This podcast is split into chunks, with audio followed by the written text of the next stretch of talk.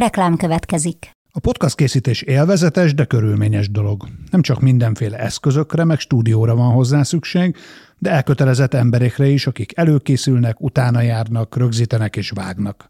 Ezen feltételek megteremtésében segítenek minket és kiadónkat, az egyik legnagyobb független hazai médiacéget, a hirdetők is, mint például a Vodafone Podcast Pioneers programja, amely támogatásával ez az adás is készült, és amely arra jött létre, hogy segítse a magyarországi podcast gyártást. Reklám hangzott el. Szerintem a marketing válságban van. Erről nyilván olvasunk, de hogy valahogy én is érzékelem ezt, hogy a marketing a, egy, egy olyan átalakulási küszöbön áll, hogy vagy átalakul, vagy, vagy tényleg így elkezd ilyen, ilyen nagyon kicsivé, meg nagyon ilyen, ilyen hátravetetté válni. Sziasztok, ez itt a Reklámszünet, a 24.hu kommunikációval és reklámiparral foglalkozó podcast beszélgetés sorozata. A mai vendégem Szabó Béla, a Magyar Telekom márka és kommunikációs igazgatója. Szia Béla! Sziasztok! Szia Péter! Az első kérdésem nagyon erős lesz rögtön. Mivel is foglalkozik egy ö, márka és kommunikációs igazgató? Hogy így néztem a Telekomnak a, ö, a korporét ágrajzát, sok kommunikációs igazgató van különböző területekért, szóval mi a te munkád, Béla?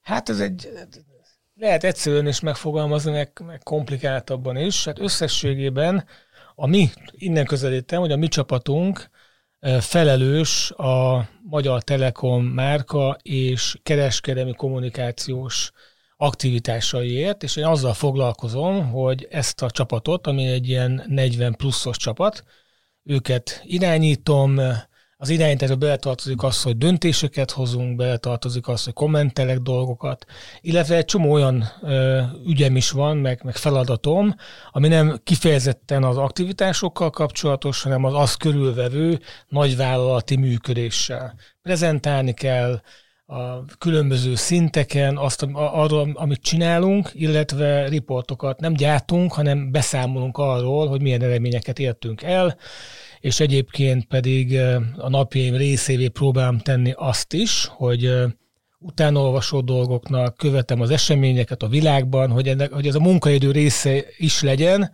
ne pedig csak a munkaidő utáni életemnek legyen a elég markáns kitöltője, mert hogy nagyon sok dolgot kéne elolvasni manapság. Szóval, hogyha, le, hogyha lefordítjuk hétköznapi nyelvre, akkor, akkor, akkor ti, ti feleltek, vagy te felelsz a reklámfilmekért, amiket látunk a tévében, meg azért, hogy hogy jelenik meg a, a márka a szigeten mondjuk, meg azért is, hogy mindezt elmondjátok a tulajdonosaitoknak, hogy, hogy, hogy ezek miért jók a márkának, meg közben még képzeld is magad a munkaidődbe, ugye? Nagyjából hmm. Abszolút jól írtad le. Jó, tehát igen, igen, igen, tulajdonképpen a, pontosan ezt csináljuk. Én annyit tennék ezt hozzá, ez a nagyon jó és e, célra törő összefoglalóhoz, hogy a márkának a irányítása, ami, ami, aminek egy része a, a reklám, az is nálunk van, az is az én feladatom. Te a reklámügynökségi világból érkezel, és úgy fizimiskára is egy ilyen olyan reklámügynökségi fickó vagy, sokkal inkább, mint egy vállalati fickó, hogyha ezekkel a sztereotípiákkal élünk, szóval pólóba vagy meg edzőcipőbe, bár ezt most csak én látom, és a hallgatóink, hallgatóink nem, és nem pedig öltönybe és, és, és nyakkendőbe. Lehet ilyen különbséget tenni ma még egyáltalán, és mennyire pólós nyakkendős, és, vagy pólós edzőcipős, és, vagy öltönyös nyakkendős ez a munka, amit te csinálsz, meg a csapatod? Na, tehát így a, így a pólónál maradva, ö, szerintem lehet, tehát az ügynökségi érában szerintem egyen lazábban lehet megjelenni. Nyilvánvalóan attól, attól is függ, hogy éppen prezentálunk-e pitchen, tenderen valamit, mert akkor próbál az ember egy kicsit úgy a, a tendereztetőnek a stílusához alkalmazkodni. Visszatérve a mostani munkámhoz, Hát a Telekom mielőtt transformálódott volna, azért ez egy inges, bőrcipős, öltönyös, azért talán már nem nyakkendős cég volt, és az agilis transformációval erőséppen lehet egy pár szót mondani, hogy mi az, hogy agilis transformáció. Az a lényeg, hogy a szervezet laposabb lett, kevesebb lett benne a különböző vezetői és, és mindenfajta hierarchikus szint, ezért gyorsabban, flottabban szeretne működni. Ezzel együtt a, transform, ezzel a transformációval együtt kicsit lazultunk is. Én egy kicsit, egy kicsit magamhoz is kötöm azt, hogy lazult a, a hogy is mondjam, a, akarod, az öltözködés, és ilyen pólóba is be lehet menni, mivel hogy elkezdtük az elmúlt négy évben azt a kulturális változtatást bejárni, hogy, hogy, hogy érezzük magunkat egy közösségnek, aminek része, vagy aminek az egyik, egyik ilyen nagyon egyszerű működtetője az, hogy viseljük a márkát. Ezért elkezdtünk olyan pólókat gyártani, ami, ami nem csupán egy reklámpóló, tehát nem a T logót tettük rá ide-oda, hanem hogy üzenetek vannak rajta, és mindenki jöhetett hozzánk, hogy ő szeretne egy saját csapatának egy pólót, tegyünk rá egy olyan üzenetet, ami neki fontos. De nem ez a lényeg, hanem ez Megmutatom, megmutatni nem tudom, de elmondom közben a hallgatóknak, hogy Béla, Béla egy nagyon menő pólóban van, ami, amire csak második, harmadik ránézésre vettem észre az, hogy ez valójában egy márka póló. Úgy néz ki, mint hogy egy divatcuc lenne, amit meg lehet kapni bármelyik belvárosi ö, áruházban, de nem, ez egy telekomos márka póló.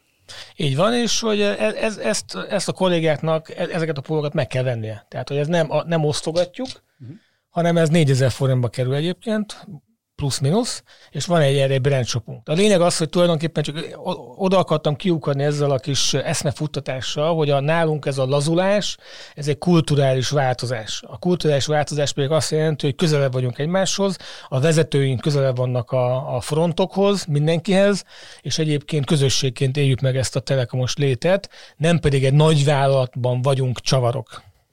Ezt a, egyébként, ezt, ez itt tök jó hangzik papíron, meg elmondva, azok, akik már régen ott dolgoztak a Telekomnál, és nem frissen csöppentek bele ebbe a, ebbe a, a transformációs folyamatba, azok, hogy, azok hogy viselték ezt? Hát, aki nagyon rosszul viselte, azt szerintem már nincs ott. Két dolog, mert hogy egyrészt elment máshová, másrészt pedig azok a folyamatok, amikor így átalakult a rendszer egy ilyen laposabbá, valahogy így kipöldítette. Ugye van ez a centrifugális, meg centripetális erő, és akkor aki benne van a közepén, az befelé fordul, aki meg kezdi kifelé tendálni, valamiért, az pedig tulajdonképpen ki tud így pörögni a rendszerből, vagy így, vagy úgy. Úgyhogy szerintem, aki most a Telekomban átéli ezt a változást, ő már ezt aktívan és tudatosan, nem pedig kényszerűen éri át. Oké, okay, a, a, a Telekom, a Magyar Telekom az egyik legnagyobb költő a magyar, magyar reklámpiacon. Ennek megfelelően, vagy ezzel összhangban az egyik, egyik legismertebb és legfontosabb márka jelen pillanatban Magyarországon. Te hogy látod azt, hogy, az, hogy mi a márkák szerepe jelenleg a világban? Mennyire van identitásképző szerepük, mennyire van kulturális szerepük, mire használjuk egyáltalán a márkákat?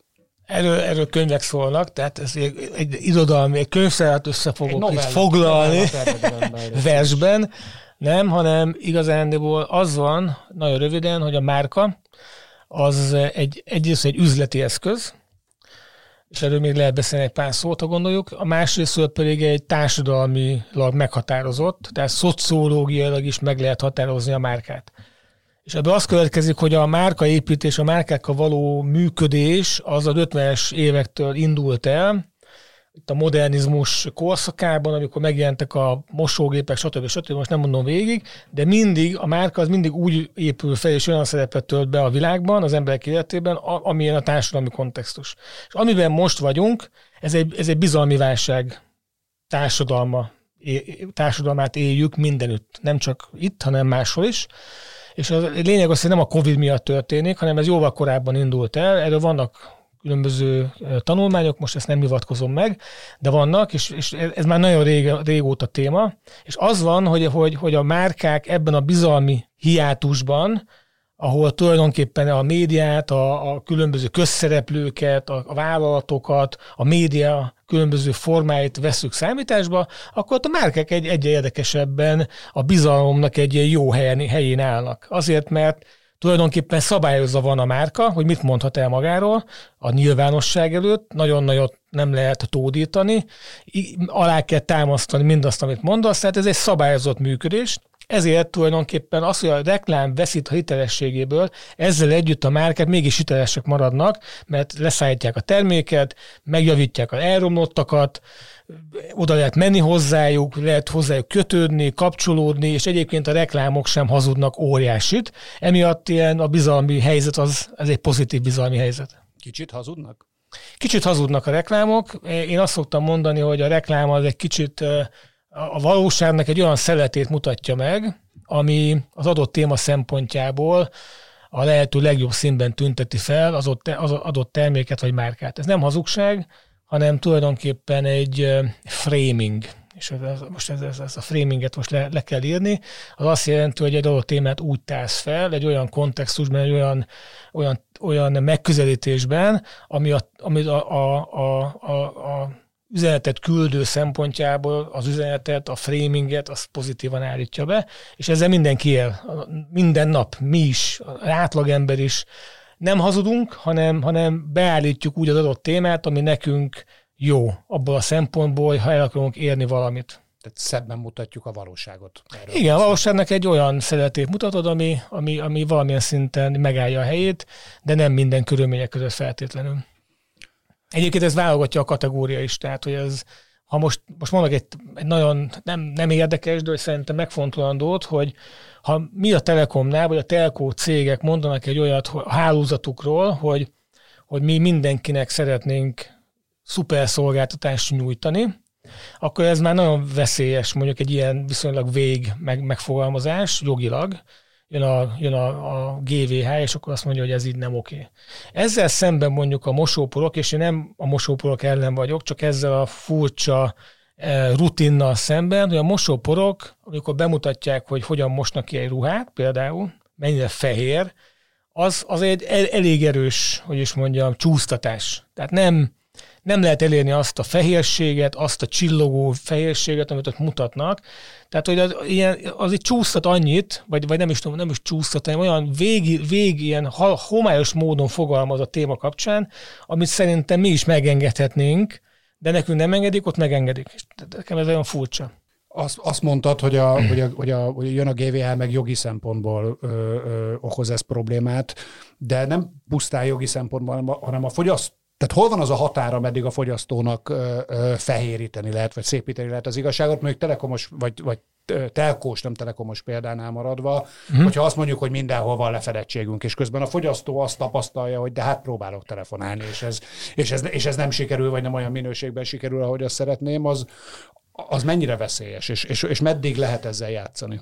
Na, és itt, itt, itt van a kutya elásról, hogy ennek, ennek van egy nagyon nagyon alacsony határa, tehát hogy nem tódíthatsz akkorát, mert, mert a fogyasztó ezt minden egyes nap megéli, és vissza is fog élezni. Tehát nem, nem tartja magában egyáltalán az, hogyha nincs lefedettség, az, hogyha nem működik a rendszer, elromlott a, a termék, amit vásárolt, és ez most nem csak ránk vonatkozik.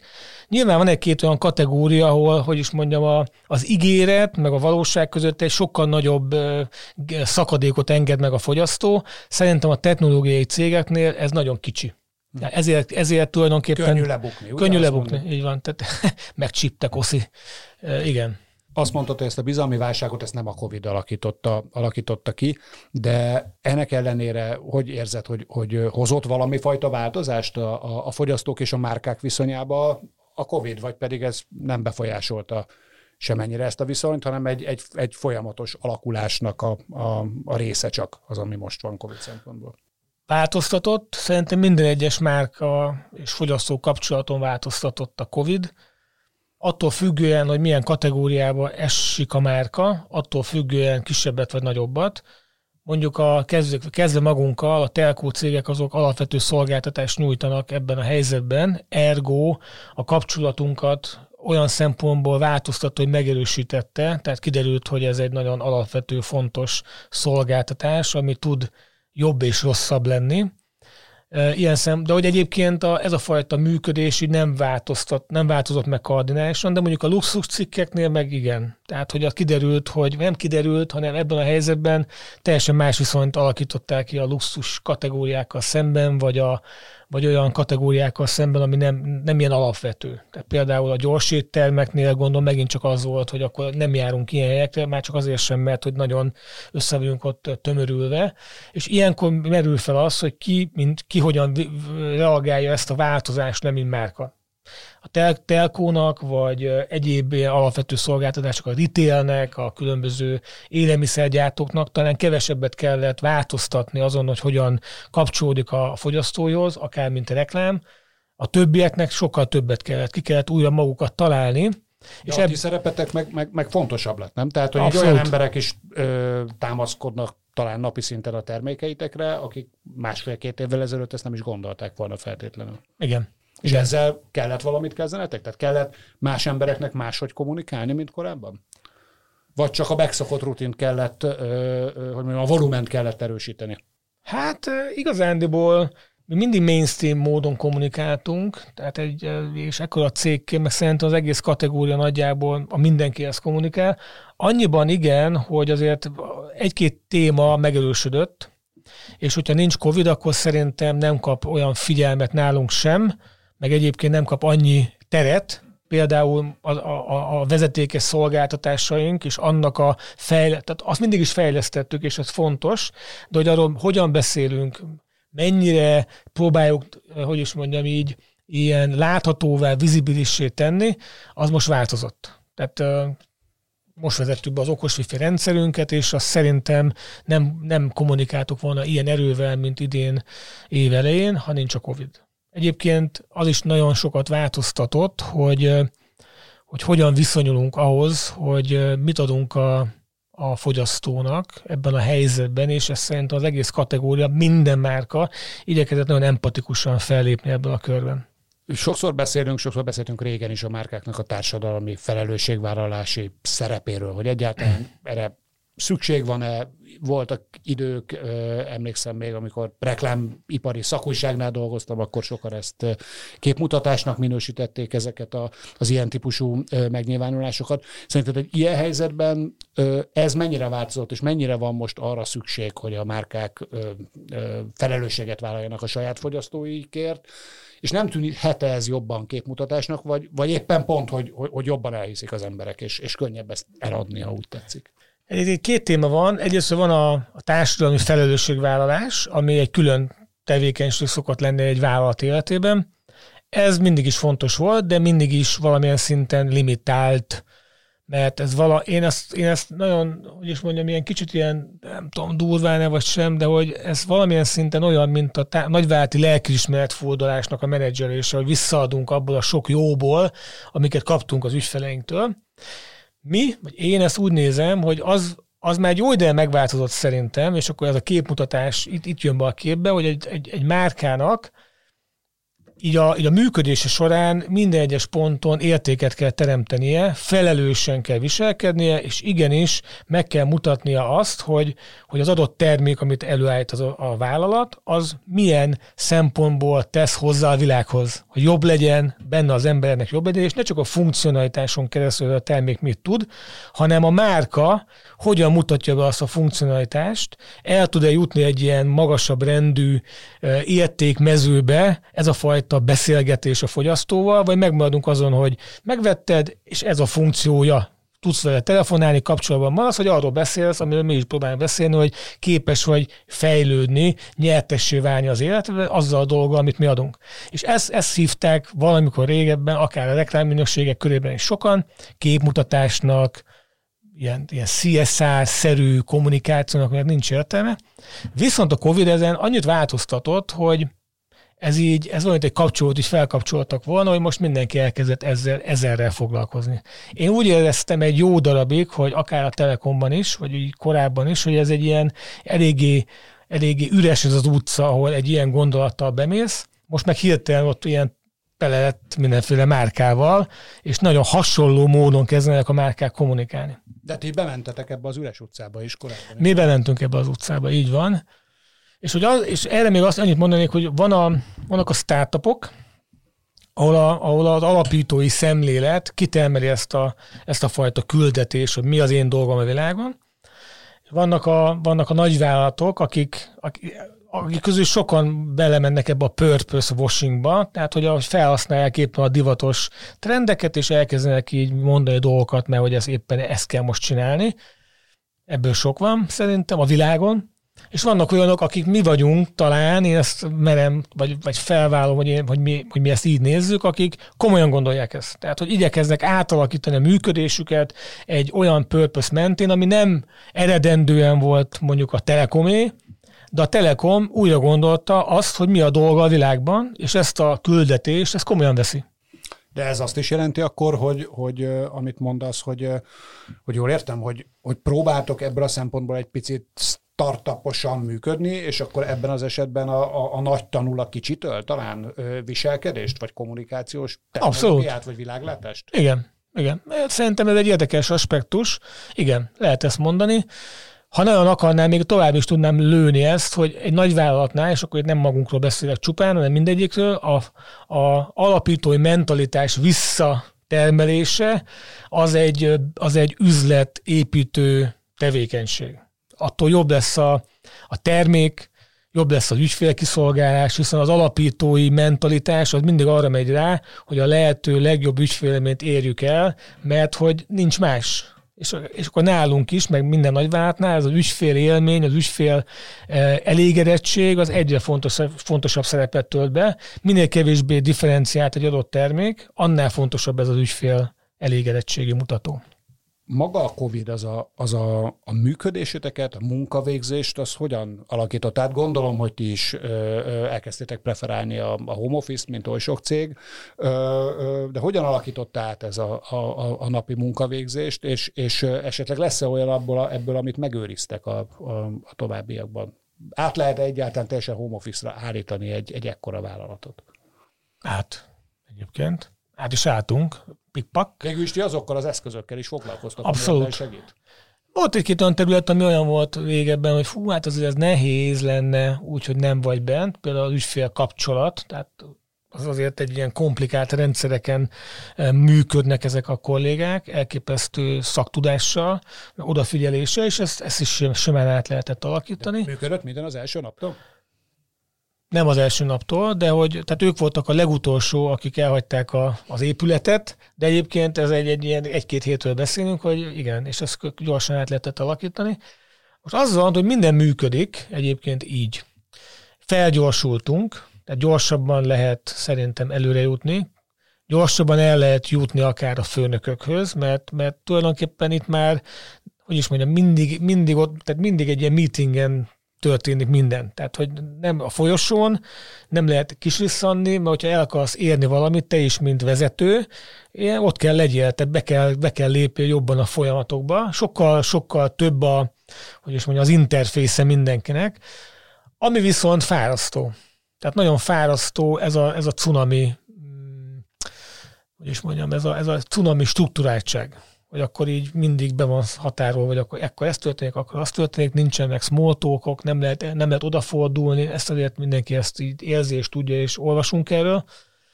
Úgyhogy, úgyhogy mit viszünk tovább? Szerintem azt viszünk tovább, hogy ezt a, ezt a közvetlenséget, amit ez hozott, szerintem azt meg kell próbálni továbbvinni, és az, hogy sokkal kevesebb a, a, a committee-szerű döntés, ami lassítja a, a, folyamatokat. Tehát, hogy gyorsabban jutunk döntésekhez. És ezt meg lehet őrizni, szerintem? Szerintem meg.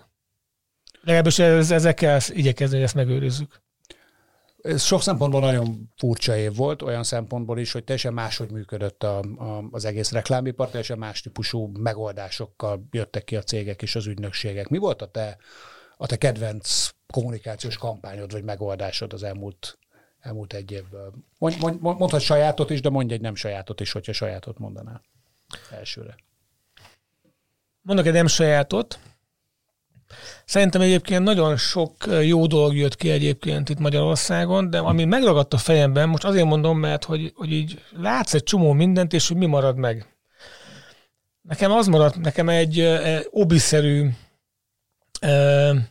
cégnek, a BNQ nevű cégnek a kommunikáció maradt meg Angliából, aki, aki nagyon egyszerűen állt ez az egészhez hozzá, tehát ilyen nagyon elegánsnak tűnik így kívülről az, hogy tulajdonképpen azt mondja, hogy visszanyúltak a szlogenjükhöz, amiről elfelejtkeztek, mindig ott volt, de ilyen üres kis konténerré vált, visszanyúltak, ami, ami úgy hangzik, hogy build your life, vagy build a life, azt hiszem, hogy build your life, és az nyilván oké, hogy akkor vedd meg, és akkor arról beszéltek, hogy tulajdonképpen a Covid-ban ez egy nagyon érdekes megközelítés, hogy akkor ezt, ezt építeni kell. Tehát nem csak úgy történik a, az életet, hanem azt érdemes építeni, alakítani, és minden egyes ilyen obiszerű terméket megmutattak abból a szempontból, hogy annak milyen szerepe van az életet szempontjából. És egyébként ez olyan, mintha ezt, ezt már ki lehetett volna gondolni bármikor, tök egyszerű, de valahogy mégis itt nagyon jól be, beütött, és annyira eltalálták ezt a, ezt a flow-t,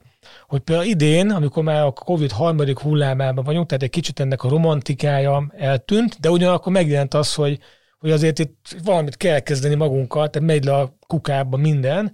Ő azt mondta, hogy, azt mondta, hogy we will grow again. Mondta ezt, és ebben ez a, ez a, ez a szép, hogy mondta ezt egy, egy tavaszi kert szponzorált, kert szezon nyitó aktivitás kapcsán.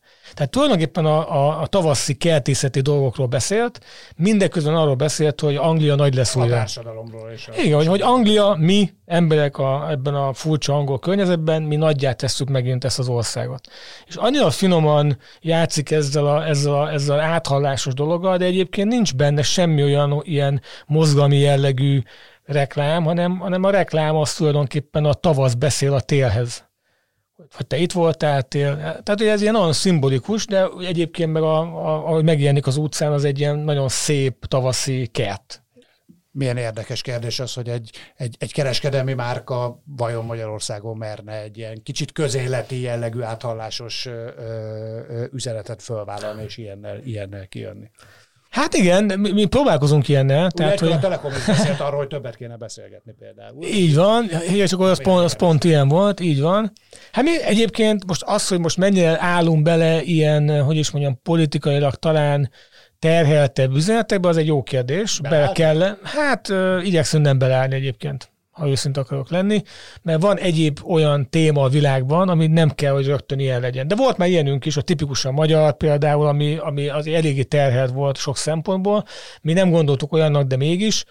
Akkor... Szerinted egyébként a, a fogyasztóitok elvárnák azt, hogy beleálljatok ilyenbe? Tehát van ilyen, ilyen ö, vélt vagy valós ö, elvárása a, a, a magyar emberek részéről, hogy a márkáknak foglalkozni kéne ilyen dolgokkal, vagy ez két külön világ? Szerintem nem várják el, ez az egyik.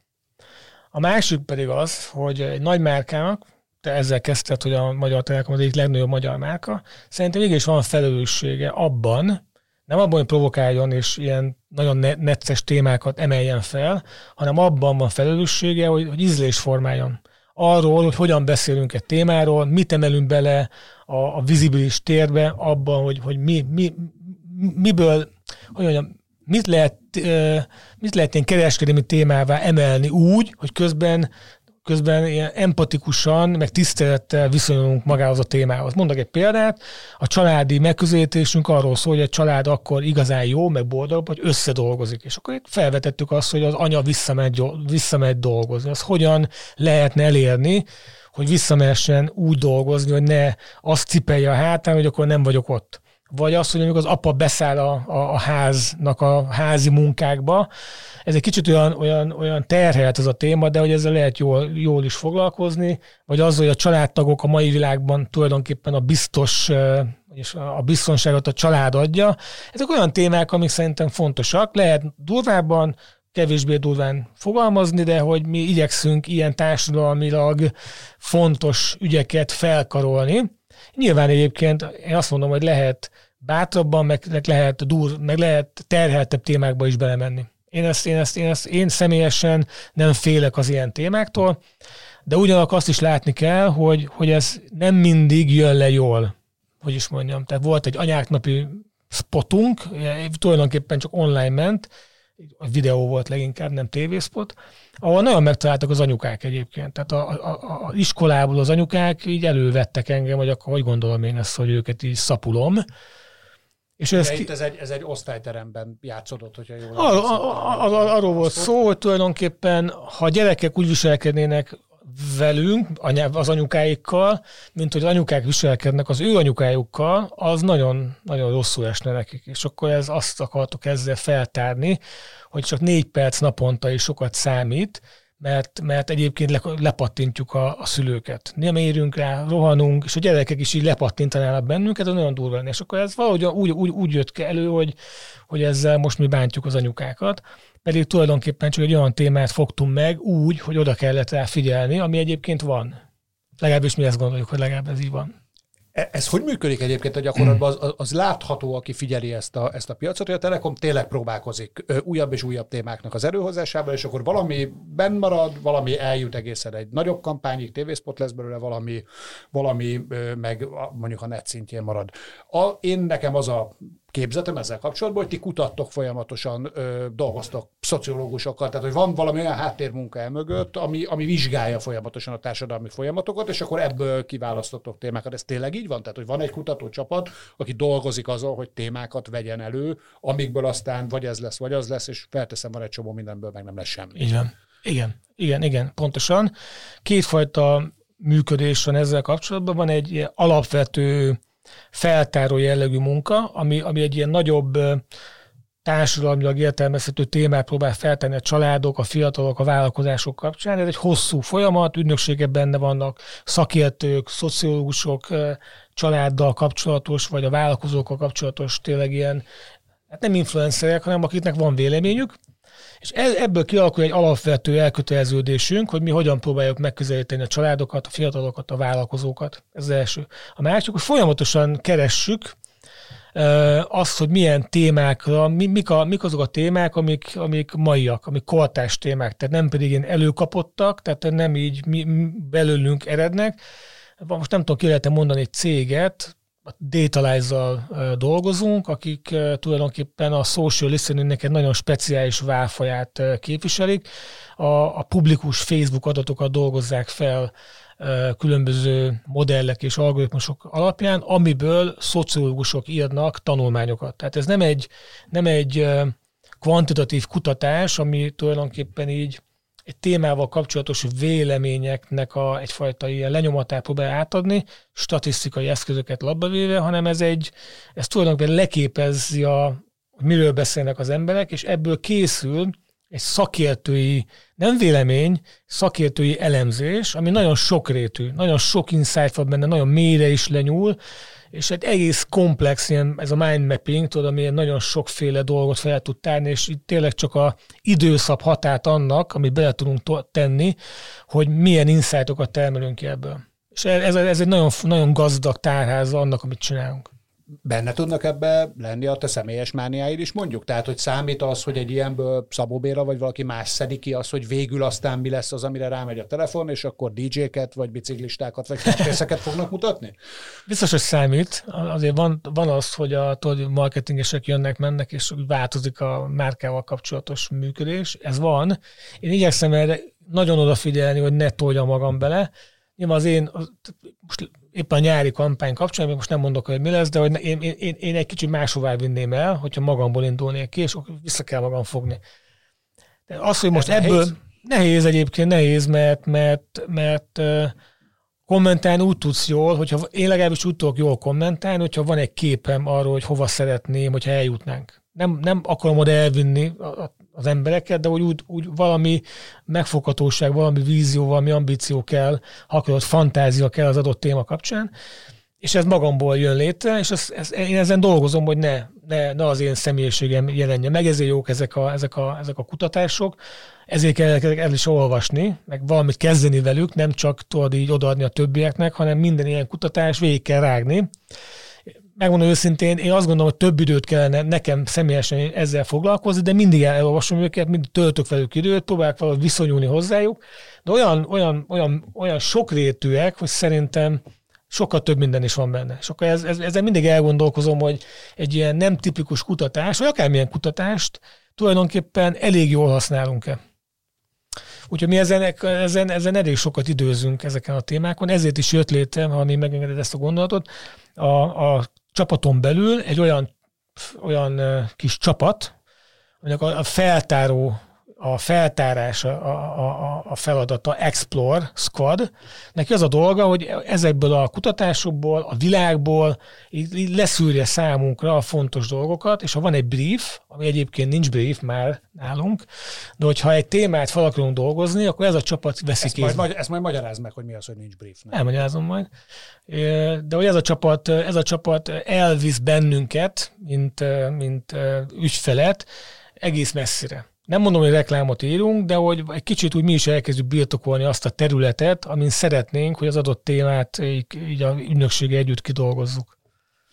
Szóval mi az, hogy nincs brief? A nincs brief az az, hogy azt a, azt a jelszót adtuk ki magunknak egy pár éve, hogy, hogy, hogy, hogy a nincs brief kultúrát kell felépítenünk, annak érdekében, azért, mert a, a mi hozzáállásunk, a működéshez az az, hogy mi nem kiszolgáljuk a bizniszt, az üzletet, reklámokkal, mindenfajta ilyen kommunikációs anyaggal, hanem mi alakítók vagyunk. Tehát mi alakítjuk a vállalatot, a kultúráját a vállalatnak, alakítjuk azt, a, azt hogy hogyan beszélünk a, a dolgainkról. Nagy Isten azt is alakítjuk, nyilván határokon belül, hogy miről beszélünk egy adott időszakban. Tehát mi nem hátradőlünk, és várjuk, hogy hozzanak valamit elénk, hanem mi aktív részesei vagyunk annak, hogy mi, mi van a Telekomban, mi van a piacon, és mi lenne a legjobb üzletileg, márkailag, hogyan lehet ezt a kettőt össze mergelni. Ezért nem kell brief. Tehát nem az, hogy nem, ne adjatok briefet, hanem nincs rá szükség kultúráját hoztuk létre. Most már olyan szinten benne vagyunk a dolgokban, olyan annyira napra készek vagyunk, mindenki a csapatból, hogy tulajdonképpen nincs szükség arra, hogy leírja valaki nekünk, hogy mi van, mert tudjuk. Csak azt kell eldöntenünk, hogy a sok közül melyiket emeljük ki, mely, milyen irányba megyünk. De ti adtok briefet az ügynökségeknek? Adunk briefet, abszolút. Tehát, tehát hogy is mondjam, nálunk a brief a, ilyen szempontból tényleg megváltozott, ilyen beszélgetés inkább, ami van. A felé, az ügynökség felé van brief. Tehát az, az, hogy most éppen mi a formátuma, azon lehet így vitatkozni, most ez egy, ez egy, hogy is mondjam, egy ilyen összefoglalás egy csomó mindennek, vagy egy egyoldalas dokumentum. A nap végén szerintem egyoldalas dokumentum jön létre ebből az ügynökségnél. Tehát van brief. Csak, csak házon belül nincs belső brief. Értem, hirtelen azt hittem, hogy az ügynökségek sem kapnak, és akkor egy, Egyébként, akkor egy kicsit nem akartam beleképzelni magam az ügynökségek helyébe. De, de hidd el nekem. Megfelelni ugye a feladatnak. Hát figyelj, nem egyébként, hogyha, hogyha elérnénk azt egy ügynökséggel, vagy akár többel is, hogy nincs brief, azt szerintem a partnerségnek olyan szintjét jelentené, hogy ők is felelősséget vállalnak, meg mi is, és hogy tulajdonképpen szerintem sokkal flottabbul haladnánk, sokkal gyorsabban, de ezt nem miattunk nincs ez meg, hanem az ügynökségek miatt, szerintem. Jól értem azt abból, amit, amit mondasz, ugye, hogy, hogy, hogy egy kicsit olyan, mint hogyha, mint hogyha elhomályosodna a, a, az, ügy, az ilyen nagy ügyfelek, vagy a ti konkrétan a ti marketing kommunikációs osztályotok és az ügynökségek közötti határ, tehát egy kicsit végzitek azt a munkát, és egy kicsit az ügynökségektől azt várjátok, hogy a ti munkátokat végezzétek, és valamilyen összeolvadás legyen. Változtató, ezt jól értem, ugye? Mm-hmm. Igen, mondtad. igen. Ezen a folyamaton ezen változtatott a COVID, vagy ez megint tök független attól, tehát ez már korábban is így, így, így volt. Szóval azt akarom igazából kérdezni, hogy változott az ügynökségekkel kapcsolatos elvárásotok az elmúlt egy-két évben? Nem a Covid-nál indult ez a folyamat, és igazad van, igen, tehát ilyen van egy átfedés a dolgok között, de mi tiszteljük az ügynökségeknek a hozzáadott értékét, tehát igazán tisztelettel állunk hozzájuk. No, velem kapcsolatban el lehet, néha el tudom képzelni, azt mondják, hogy ilyen tiszteletlenül beszélek az ügynökségekkel, pedig igazán nem így van csak a vehemenciám viszod el, hogy néha így, így, így olyan, olyan szavakat használok, amit lehet, hogy nem kellene. Ezt nem azért gondolják, hogy te is onnét jöttél, és hogy azt hiszik, hogy te azt hiszed, ja. hogy te azért... Hát nem tudom, igazán, de nincs egy ilyen konkrét tudásom, csak remélem, hogy nem így van, de én tisztelem, tisztelem az ügynökségeknek tényleg a munkásságát. De a Covid változtatott azért annyit, hogy felgyorsultak a dolgok. Tehát, tehát egész egyszerűen az van, hogy, hogy én attól nagyon betok így pipulni, hogy, hogy mindig azzal jönnek, jövünk, jönnek, hogy, hogy nincs idő, most már döntsünk, mert, mert most már jön a leadás, meg a TV booking, és, és én, azt mond, én azt mondanám, hogy tulajdonképpen ha képesek lennénk megváltoztatni kardinálisan a működésünket, amit egyébként házon belül javarész sikerül, de ami folyamatosan alakul, akkor szerintem nem lenne ez a, ez a mert hogy, hogyha, hogyha határidőkről beszélünk úgy, hogy ez a fenyegetés, tehát hogy ilyen demokrész kardjaként lóg a fejünk fölött, hogy jön a leadás, akkor szerint, tehát hogyha ez, hogyha ez másként működnék, akkor ez nem lenne. Akkor mindenki ugyanúgy érezné, hogy én már nem kommentáltok, ő meg igazándiból próbálna valahogy olyan megoldásokat hozni, ami nem a, az ügynökségi, vagy nem tudom, valami fajta kreatív, pattern-szerű elvárásokat menedzselne, vagy, vagy összemölcsenénk, többet engednék át oda, ők többet engednének ide, vagy többet tolnának bele ide, és akkor így a határidő nem lenne szerintem kérdés, mert együtt birtokolnánk. Itt az van, hogy, hogy mi addig challenge őket, ameddig a lehetséges, ők pedig addig védik a, a, az ő váraikat, ameddig lehetséges, és egyszer csak kompromisszumba kell jutni a határidő miatt. Tehát szerintem ez nem a legjobb működés. És elképzelhető szerinted reálisan az, hogy ez a és ez gyökeresen megváltozzon? Hát nem tudom elképzelni most itt ez a széken ülve. Én azt gondolnám, hogy itt... Hiszen végül is a pénz nálad van az ügynökséghez képest, tehát hogy igen, te szabályozod igen. a folyamatot. Igen, de, de nem. Egész egyszerűen azt ki kell jelenteni, hogy nem úgy van az, hogy tehát egyrészt, hogy nem, tehát nem, tehát nem mondhatod meg, hogy így legyen, mert akkor az tök no, tök, tök, teljesen ilyen elképesztő hiba lenne. És ennél fogva, hogy is mondjam, tehát átengedsz egy csomó önállóságot az ügynökségnek, amiből tényleg az van, hogy, hogy, hogy, hogy mi a nap végén a felelősséget vállaljuk mindenért, amit csinálunk. Tehát, tehát egyszerűen nincs olyan, amiért nem, ne, ne kellene vállalni a felelősséget. Az ügynökség meg semmiért nem vállalja a felelősséget. És ez szerintem, szerintem van egy, itt egy ilyen, egy ilyen elborulás ebben a, ebben a témában, hogy, hogy mert én, tehát hogy én most nem én, hanem az ügyfél azt mondta, hogy ő ezt elfogadta. Ő addig, addig bénázott, addig nyüszögött, amíg, amíg nem tudtuk leadni. Tehát te mindig te vagy, mindig a, a, a, a, a hibáztatási folyamatnak a végén, ezért egész egyszerűen nem tud egy jó partneri dolog lenni. Tehát ügynökségnek azt kéne megoldania valahogy, lehet, hogy bizniszmodellt kell változtatni, nem tudom, hogy valahogy része legyen ennek a felelősségi bubble amiben mi teljes messzélességgel benne vagyunk. És valahogy szerintem az igazán nagy ügynökségek, igazán nagy dolgot, aki létehoz, szerintem ebben jobban van benne. Jobban benne van. És, és ez, egy, ez egyfajta új, magasabb szintű partneri viszonyt is feltételez, mint a Doga 5, a nem tudom már melyik márkával, ruhamárkával, tulajdonképpen összebútoroztak. Tehát, hogy ők nem tudom, két éven keresztül nem csináltak semmit, csak dumáltak. Érted? Így, így, így partnerek voltak. Érted? Én ezt tökre bírnám egy ilyet, hogy nem kell mindig kifutni a dolgoknak, a tévéreklámba. Ez valószínűleg tényleg üzleti modell kérdése. Nem gondolom, lennének olyan ügynökségek, akik szívesen vennék, hogyha a Telekom finanszírozná azt, hogy ők két évig csak, két évig csak dumálnak, csak és nem kell semmit csinálni. Hát nem úgy, hogy dumálunk. Ez, ez, ez, nem egy rossz megoldás, szerintem. Na, például, tehát Na mindegy, tehát hogy szerintem stratégiai lehet dumálni, és valaki más csinálja a reklámot. Ez olyan, mint tudod, így, így, így beledöföd a nagy kést a szívükbe, mert hogy milyen már, hogy te a stratégiát így kifineszeled, és más alatja a babélokat. De szerintem ez nem, nem biztos, hogy, mert lehet, hogy más, más hozza ki a stratégiát, és te meg megcsinálod. Tehát nem tudom, szóval szerintem lehetne itt ezzel egy kicsit úgy játékosabban, hát még ez a hülye szó, nem játékosabban, hanem ilyen más más minőségben játszani ezt a játékot. Most abban vagyunk egyébként, hogy tévéreklámot kell mindenképpen gyártanunk. Egyébként így van, mert a média is abban az irányban van, hogy tévéreklám, meg az egész világ abban az irányban van, hogy a tévéreklámok azok visszatértek, és újra fontosak lettek. Lesbinet, azt hiszem, hogy így kell ejteni, egy angoltól hallottam. Lesbinet, és ezt nyomatja. Egyébként olyan, hogyha megvette volna a tévé lobby, hogy a tévé. De hogy, de hogy, de hogy hogy emiatt egész egyszerűen nem tudunk kikeveredni egy másik fajta partneri viszonyba, mert a tévéreklám az mindig ott áll, a nagy segít ráülteti a, a dolgainkra, és nem látunk ki alóla. Oké, okay, tehát jól értem, azt kivetted egyébként a kérdést a számból, amikor hogy föltettem volna, az lett volna a hogy mennyire fontosak nektek 2021-ben a tévéreklámok, de ezt tulajdonképpen a kérdés feltevése nélkül megválaszoltad. Tehát jól értem azt, hogy az történik, hogy ti azt hittétek már, hogy jól elmegyünk digitálisba, és végre menekülhetünk a tévétől, és erre rákényszerültetek arra, hogy megint csak szakmányba tévéreklámot kell gyártani, gondolom részben, részben termékpromócióról és szolgáltatás promócióról is. Ennek mi az oka, hogy ez így alakult? Erről a Covid tehet? Vagy ez is egy független folyamat?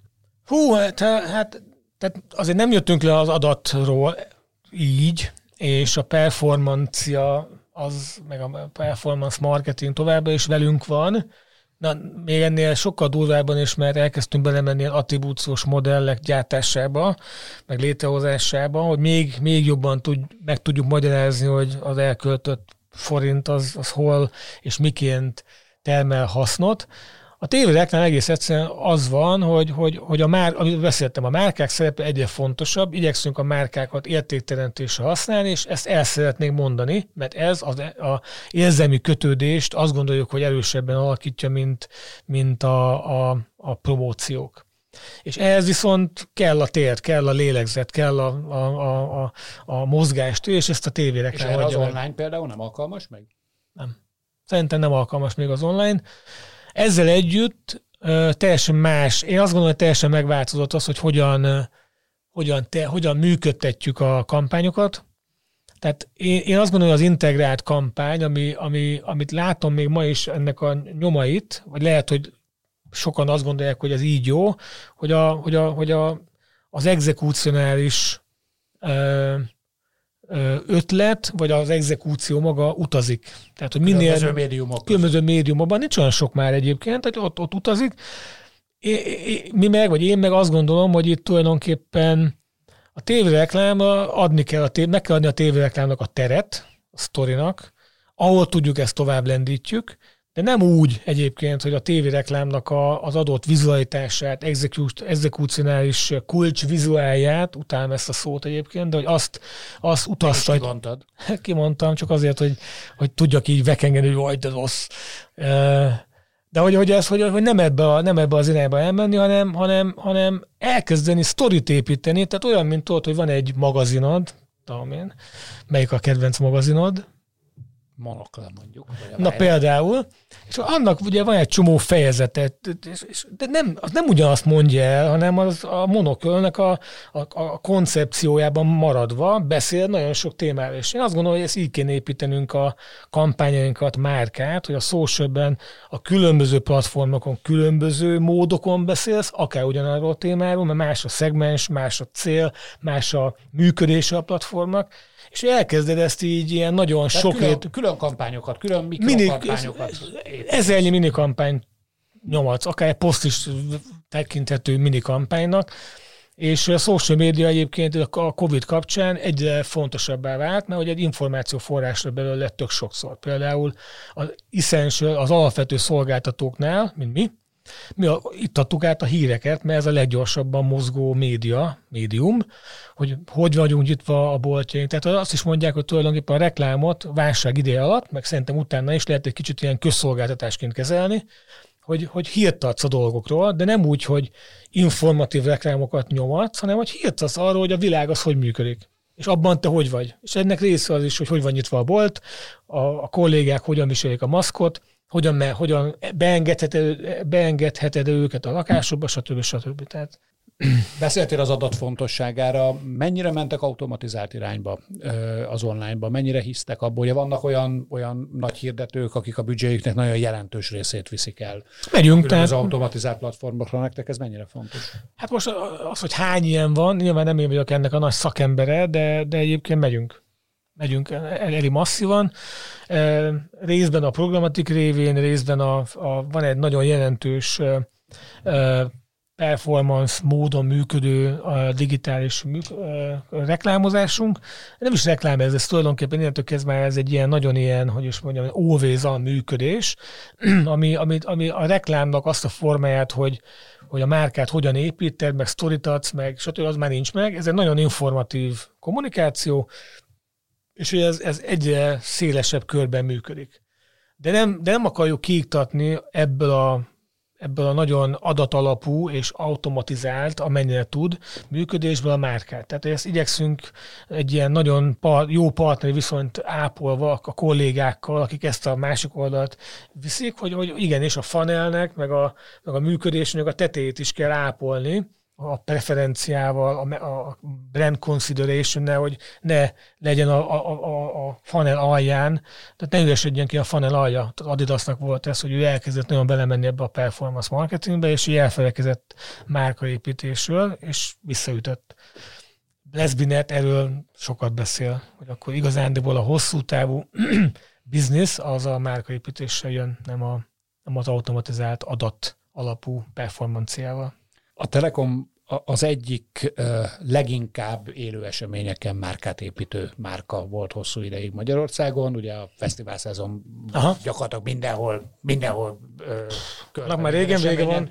Mindenhol. Telekom, Telekom volt, legalábbis az érzet ez volt. Mm. Hogyan fog ez változni? Most gyakorlatilag két évad többé-kevésbé kimaradt, bár az idei adról még keveset tudunk, de azért biztos nem olyan lesz, mint, mint békeidőben ö, volt. Vissza fogtok még térni ebbe a világba valamikor? Tervezzük egyébként, tervezzük. Azt gondolom, hogy egyrészt vannak eszetjeink, a Vivicsitta, a World Festival, Telecom Electronic Beats, a saját kimondott eszetünk, tehát ezeket nem akarnánk elkótya vetélni, ezeket a hosszú időn felépített és nagyon jól működő, a Telekomot olyan helyekre elvívő tényleg ilyen eseményeket, a, ami, ami, ami fontos, ami nem is tudom, portfóliónkban, vagy a működésünkben. Úgyhogy, úgyhogy most próbálják ezt valahogy kiváltani, ugye, tehát annyira, amennyire lehet, tehát esemény szinten kiváltani, és, és, és, és hát partnerként dolgozni a, a, a, a eszet, eszetjeink tulajdonosaival, tehát nem magukra hagyni őket, ezzel együtt azért ez nagyon nehéz, mert itt ilyen felszabaduló pénzeket látunk magunk előtt, ami, ami azért, hogy is mondjam, elkezdi megtalálni, mint a közlekedő edényben a helyét nagyon gyorsan, és arra figyelni Egyszer kell. másra költitek el. Így van, és akkor figyelni kell, hogy ugyebár az olyan, hogy a büdzsé az sose nő. Az, az a tulajdonsága, hogy, hogy a büdzsé az, az, az nem, nem olyan, mint a kis gömböc, hogy így, így növekszik, de olyan, mint a kis gömböt, hogy mindent így bele lehet így önteni, és hogyha e- egyszer elment a büdzsé egy másik irányba, és így lett egy ilyen újfajta referenciapont, hogy ott annyit költünk, akkor onnan, nagyon fájdalmas visszatérni, és akkor ez egy, ez egy ilyen veszély azért, azért fennáll. De, de mivel nálunk azért az, ez az egész esemény, marketing, meg az, meg, a, meg az event az nagyon erős, ezért, ezért, ezért még tartja magunkat. De azt jól értem, hogy, hogy az irány azért akkor véhetően az, hogy a saját magatok, mint hogyha a saját médiát építenétek, úgy a saját esemény rendszereteket tartjátok karban. Igen, de ennek része a része az is, ami nem a miénk, tehát hogy azt igyekszünk karban tartani. Könnyebb dolgunk van azzal, ami a, ami, amit mi menedzselünk fullosan, az a Telekom Electronic Beats, ott, ott lehet vele játszani, hogy akkor, ha nem tud ilyen nagy lenni, nagy események, nem kapunk esetleg támogatást a Deutsche Telekomtól, akkor elkezdjük ezt levinni kisebb eseményekre, és akkor találunk olyan érdekes meg, megmozdulásokat, amik, amik kicsik, de ugyanakkor mégis úgy nagyon jól láthatóak ennek a Electronic Beats csapatnak, és egyébként próbáljuk scalingelni is. Ezt mondjuk nem tudjuk ilyen szinten befolyásolni a partnereinket, nem is szeretnénk, hiszen az az ő tulajdonuk, az ő szellemi termékük. Mi igyekszünk a, az Electronic Beats-et fenntartani, akár úgy is, hogy ilyen kisebb dolgokat teszünk bele. Lesznek az... ilyenek idén nyáron is? Lesznek. Lesznek. Még, még két kérdés a jövőről így, így zárásnak. Az egyik a világéről, a másik, másik a te gondolata, vagy a tiedről. Mi lesz szerinted a következő nagy megatrend, ami meghatározza a kommunikációs világot? Eltűnik a Covid, végre nem kell erről beszélni. Mi jön? Direkt nem mondom, hogy adat. Abban már benne vagyunk. Szerintem a marketing válságban van. Erről nyilván olvasunk, de hogy valahogy én is érzékelem ezt, hogy a marketing a, egy, egy olyan átalakulási küszöbön áll, hogy vagy átalakul, vagy, vagy tényleg így elkezd ilyen, ilyen nagyon kicsivé, meg nagyon ilyen, ilyen hátravetetté válni. És hogy szerintem ez lesz a nagy változás, hogy, hogy ezzel mi fog történni a marketinggel. Visszanyeri a régi fényét, nyilván nem úgy, hogy visszatérünk ugyanoda, hanem hogy képesek vagyunk-e megtalálni abban a sokrétű, komplikált világban a marketingnek egy újfajta működését, modelljét, ami nem, nem csak az, hogy csináljunk reklámokat, mert nem az, hogy, hogy jól árazzunk, hanem, hogy, hanem tulajdonképpen a, a mi, a, egy vállalat értékteremtésének lehetne újra a motorja a marketing, de ez biztos, hogy máshogy kell megtörténjen, mint 5 évvel, 10 évvel, 15 évvel ezelőtt.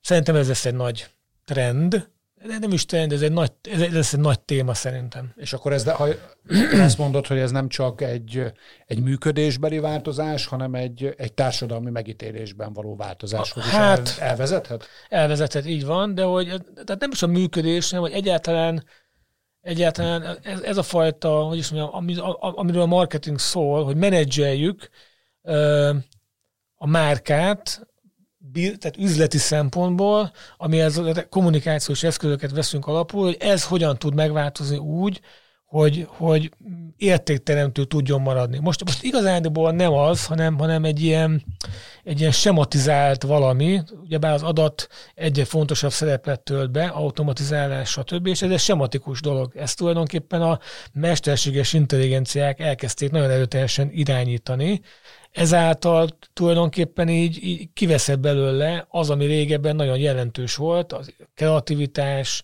az érdekesség, a sztori, ezt nem lehet kidobni, viszont nem lehet csak simán visszaemelni sem. Tehát kérdés az, hogy eljutunk-e abba a állapotba, hogy elkezdik a szoftverek írni a reklámokat, és akkor igazándiból, ha nagyon belegondolunk, tulajdonképpen ez már történik ma is, programatik módon, csak ezek szarok még ezek a reklámok, bocsánat kifejezésért, tehát ezek nem reklámok, hanem ezek egész egyszerűen információk, jó helyen, a jó célcsoportnak, jó személynek, de hogy elkezd, elkezdenek a robotok egyébként sokkal jobb átlagreklámokat tud, fognak tudni írni szerintem, mint ma, bocsánat, mi, meg az ügynökségek együtt, mert, mert hogy ki fogják találni, hogy amit nagyon nehéz kiszedegetni a kutatásokból, hogy pontosan az, hogy de, de, de, de az a nagy kérdés, hogy akkor, a, akkor az ügynökség és a mi szerepünk nem lesz sokkal jobban definiált, azáltal, hogy igazán jó dolgokat hozzunk létre, ami, aminek, ami, amit nem lehet ilyen szoftverekkel megírni, és ehhez szerintem ma el kell kezdeni felkészülni erre a folyamatra. És én azt gondolom, hogy amit most csinálunk, hogy a purpose beszélünk, a márkáknak a szerepéről, arról, milyen értéket tudunk teremteni az embereknek a dolgainkkal, és ezt hogyan mondjuk el, milyen sztorikat építünk, azt a monoköl magazint mivel töltjük fel, Szerintem ez már ma is történik. Mi nem tudjuk, még ezt nem így fogalmazzuk meg, hanem még mindig tévéreklámokat gyártunk, és nyerünk díjakat, de szerintem itt már, itt, itt, itt ennek a, tulajdonképpen ennek a gyökerei már ma megvannak. Tehát a hegyet meg kell mászni, és a első, tehát a hegy alján már ott vagyunk. A díjak fontosak amúgy? A díjak? Szerintem nem. Bocs. Már, nem, is, nem is tesztek azért, hogy nyerjetek ilyet? De, de, de teszünk.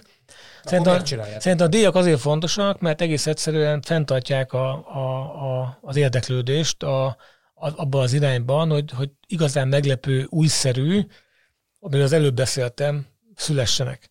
Ha nem lennének díjak, annyira, olyan, olyan gyorsan elsatnyolna szerintem minden, de egyébként én azt gondolom, hogy sajnos, hogy a díjat tartják, lehet, hogy kicsit sommásan fogalmazok, bocs, de hogy nagyon, nagyon szomorú, hogy a díjat tartják fenn azt, hogy, hogy jó dolgokat csináljunk. És, e, a, és amiatt, hogy a díjat miatt csinálunk jó dolgokat, igazándiból egy csomószor a díjat nyerő alkotásoknak az életvilágon semmi köze nincs semmihez. Tehát ezek ilyen, egy ilyen zárvány a világban, amit ha kidobunk, semmi nem történik. Semmi nem veszett el, semmit nem építettünk, egyszer-kétszer lementek, te csináltál már olyan reklámot, amiről tudtad, hogy a díj miatt készül, és nem azért, mert valódi marketingért? Én a ügynökségek nem. Ügyfélként? Ügyfélként sem, pró- próbálok nem. Tehát az, hogy az ügynökség fejében mi játszódik le, hogy de egyébként mi nem, de nincsenek olyan költéseink, amik, amik kifejezetten arról szólnának, hogy itt van x forint, csináljátok valamit, vele tudunk nyerni. Ilyen, ilyet már én, még, én még ebben a pozícióban ilyen briefet nem adtam ki, Egyébként voltam már ebb, olyan helyzetben, hogy ilyen briefre kellett termelni valamit, nem olyan könnyű egyébként, tehát az, az így, így ilyen fehér papír, ugye semmiből érkező fehér papírtól, így az csak úgy néz, hogy akkor most mi legyen. Úgyhogy még igazándiból a mi működésünknek az az alapja, hogy csináljunk olyan szuper dolgokat, amik jók, irányba vannak, és azzal nyerjünk is. Ilyen 6-3 például. Ami proaktívan jött, el kell, el, kell, el kell fogadjam, de a proaktivitás nem úgy lett, hogy azért csináljuk meg, mert majd jó lesz, azért annál egy kicsit többet kellett elkölteni, hogy ez csak egy ilyen izé legyen, díjnyertes alkotás, hanem hogy nagyon jól jött egyébként itt a Covid alatt, nagyon jól támogatta a, a, a mi küldetéstudató, küldetésünket, és egyébként meg azt gondoltuk, hogy ez egy hasznos dolog, ha ezt megcsináljuk. Tehát ez, adunk valamit a társadalomnak, mert hogy ez ne, nem létezett, most létezik. És némi szerepünk nekünk is volt benne, mert a 24.hu jelent meg ennek egyfajta tartalmi. Így, tartalmi, így, tartalmi pontosan. Tehát benne voltunk sokakkal, így, igen. És akkor tényleg egy záró kérdés, hogy, hogy mi az, amit te, te magaddal viszel? Beszéltünk a Covid-ról, szerencsére már nem annyira sokat, mint a korábbi ilyen interjúkban, de azért egy kicsit igen. Mi az, amit te magaddal viszel ebből a, ebből a Covid, ha egyetlen dolgot kell mondani, a, a, amit a Covid-tól tanultál, és ami, ami veled marad a későbbiekre is? Egy dolgot kell mondani, vagy lehet mondani? Hát én Mondasz azt mondom, többet is, de inkább egyet.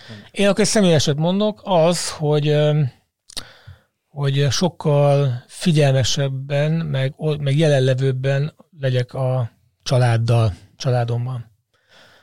Mert nem vagyok ott még most sem, mert elvonok valami szobába tök sokat, de jobban érzékelem az, hogy nem vagyok ott. Tehát ez valahogy, hogyha elmentél, bolyongtál ott a mindenfajta dologban, ez, ez így eltűnt, és hogy azt gondolom, hogy, hogy ezzel én sokkal több lettem ilyen szempontból.